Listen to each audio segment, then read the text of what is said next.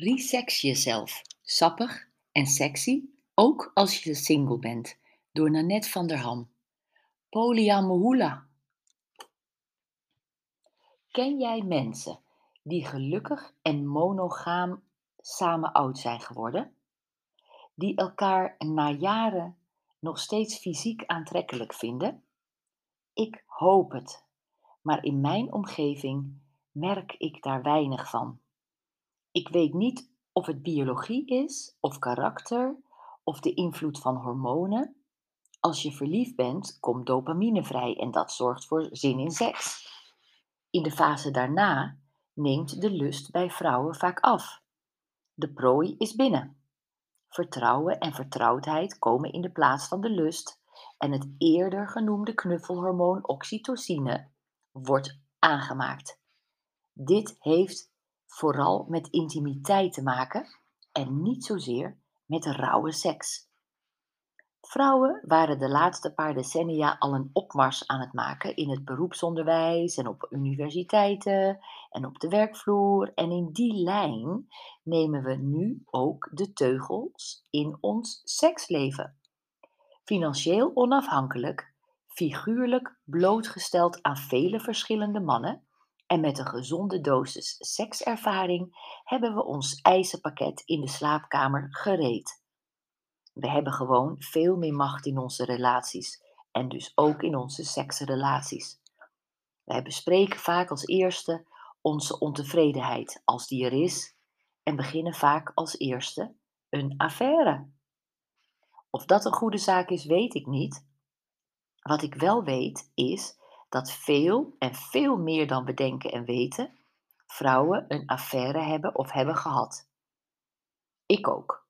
En hoewel ik me nu niet meer kan voorstellen dat ik het nog eens zou doen en er absoluut niet trots op ben, ben ik, ondanks alle shit, toch blij dat ik de ervaring heb. Zou je me vragen of ik je een affaire aanraad? Dan is mijn antwoord nee. En ik weet nog dat een journaliste die me jaren geleden een interview afnam, waar ontrouw een onderwerp in was, tegen mij zei: Ik hoop dat jij eerder van deze verslaving af bent dan ik. Bij mij duurt die zes jaar al. Wel, dit is een onderwerp voor een ander boek. Rendezvous jezelf. Ik raad je veel eerder aan om je wensen uit te spreken naar je legale partner hoe lastig dat ook mogen zijn. Love the one you're with, heb ik eerder gezegd. Termen als non-monogamie en ethische non-monogamie, wat distantie van vreemdgaan betekent, kunnen hierbij opkomen. Een swingersclub, een trio, jij met een vrouw en een man, maar vooral ook twee mannen en jij, een open relatie of polyamorie, meervoudige liefde, verkleedpartijen, een eerste date naspelen, bondage, dominantie, sadisme, masochisme. De laatste vier vallen onder de noemer BDSM. Fetishen, een soort verering van een voorwerp of een lichaamsdeel. Het zijn allemaal vormen van seksualiteit die niet alleen de vlam onder de sekspot van jou en je partner brandende kunnen houden, maar die je ook in praktijk kunt brengen als je single bent.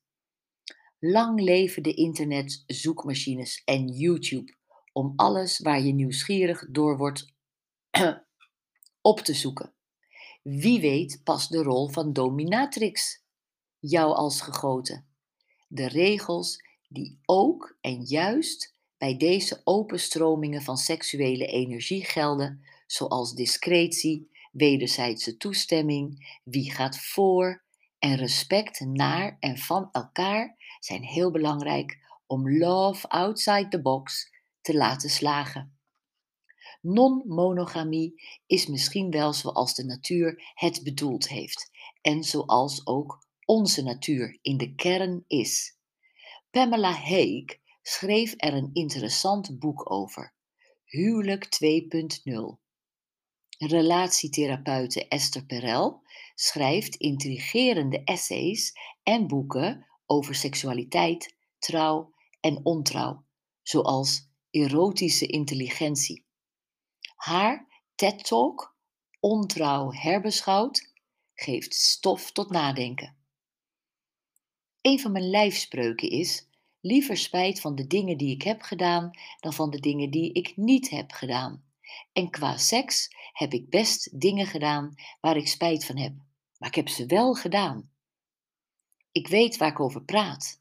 Ik kan anderen adviseren en ik hoef in elk geval nooit te denken: had ik maar. Als bij jou nu een gedachte opkomt die begint met had ik maar, vind dan eens uit of het niet alsnog kan. Soms is ontrouw zijn aan een ander trouw zijn aan jezelf. Op Facebook en schoolbank.nl vind je misschien nog die persoon weer terug waar je ooit een geweldige sekstijd mee had. Misschien is hij of zij beschikbaar en geïnteresseerd om een afspraakje met je te maken en geef je je leven de schwung die het mist. Al is alle in deze aflevering genoemde poespas niet iets wat bij jouw poes past, het is op zijn minst bedoeld om je na te laten denken over wat seks kan zijn. Of je nu in een relatie zit of single bent. En een mooie opening tot dialoog met je partner is: Ik ben nou toch een boek aan het lezen. Resex jezelf heet het. Wat vind jij eigenlijk van? Puntje, puntje, puntje. Heel veel succes!